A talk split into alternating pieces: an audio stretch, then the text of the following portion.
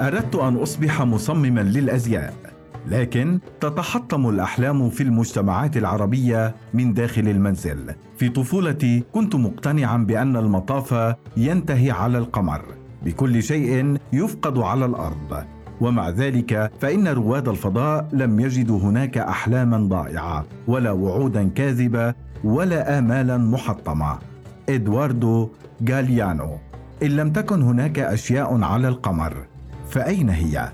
تتحطم الأحلام في المجتمعات العربية من داخل المنزل من رب الأسرة نفسه عندما يحاول فرض أفكاره ومعتقداته وأرائه على أطفاله بالقوة والترهيب. من المنزل العربي التقليدي تبدأ حكاية أغلق عقلك ولا تتجرأ على التفكير. إنه صيف 2005 كنا خمسة مشاغبين في الحي. نلعب بكرة اشتريناها من بقالة العم أبو مروان وكنا نجتمع دوما ونتساءل فيما بيننا كيف سنصبح في المستقبل؟ دائما كان جوابي المعتاد أمام رفاقي في الحي أني سأصبح طبيبا معروفا فهذه رغبة أمي الجامحة. كنت أخاف دائما من حلمي ومن أن يشتمني رفاقي فمجتمعنا الذكوري دائما ما يطلق الأحكام من دون هوادة. أعود إلى البيت بإنجازات طفل صغير متعب وأستلقي على فراشي الدافئ وأفكر في رغبتي وحلمي بأن أصبح مصمما للأزياء. لكن دائما عندما كنت أتحلى بالشجاعة وأخبر والدي أقمع بالجملة الأبوية المستعملة دائما. إيه لأنه رح طعميك خبز. أو شو بدهم يقولوا عنا الناس ورفقاتنا. أنت بدك تكسر من مكانة عائلتنا المثقفة؟ كنت أهرب دائما إلى فراشي ويعتري وجهي البؤس والحزن وأذهب باكيا إلى احلامي الضائعة. فأنا طفل أخاف دوما من وضع مسؤوليات كبيرة على عاتقي. كانت أمي دائما تقول لجارتها ابني رح يصير طبيب معروف. إيه لكن خلي بكرة طقم أحمد نحن منخلف دكاترة مو كهربجية.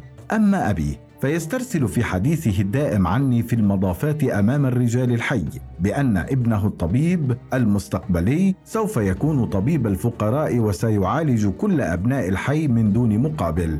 فنحن في محافظة السويداء شعارنا الكرم والنخوة ومضافات الأحياء تعد مدارس للأجيال المتعاقبة. ما هو ذنبي في هذه البلاد؟ لئلا أستطيع أن أحلم. أم اعتدنا على قلة الأشياء من حولنا. لم يجد الأهل أحلامهم الضائعة فقرروا أن يفرضوها على أبنائهم بلغة الجموح والتسلط. أصبحت أكره المستشفيات فرائحتها تذكرني بأحلام أبي وأمي. أصبحت أخاف من الطبيب. ثمة شيء واحد فقط يعجبني فيه هو بدلته البيضاء. المطرزة على جانبيه بشكل انسيابي وكأنها لوحة مرسومة بيد بيكاسو. في تلك المرحلة من عمري حلمت بتحقيق شيء من فضاء شخصيتي وحاولت وسعيت جاهدا لتحقيقه بالرغم من سلطة والدي ولكن للأسف لم يتحقق ذلك. لذلك توقفت عن رسم أحلام أخرى لفترة كبيرة وشعرت بالبؤس والحيرة والخوف. ولكن الحياة تأخذنا دائما في موجات عالية تنقلنا من الأعلى إلى الأسفل بطرفة عين. كثيرا ما نظن أن الأشياء التي طالما حلمنا بها لن تتحقق.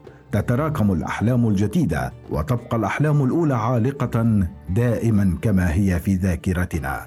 لم يعد لدي الجرأة على أن أحلم في وطني بيوتنا أصبحت هشة وأوطاننا تقمع وحرياتنا تغيب مع الريح. كيف لي أن أحلم بمجتمع خال من الهشاشة النفسية؟ وكل يوم تسلب منا الطفولة. ونحمل أعباء ومسؤوليات أكبر من أحلامنا الطفولية. قبل الخلود إلى النوم يراودني السؤال إن لم تكن هذه الأحلام موجودة على القمر فأين هي إذن؟ حينها أذكر دوما جواب إدواردو غاليانو. هي قوة في داخلنا. إن قوة الإنسان وإدراكه يظهران من خلال أصعب اللحظات التي يمر بها في حياته.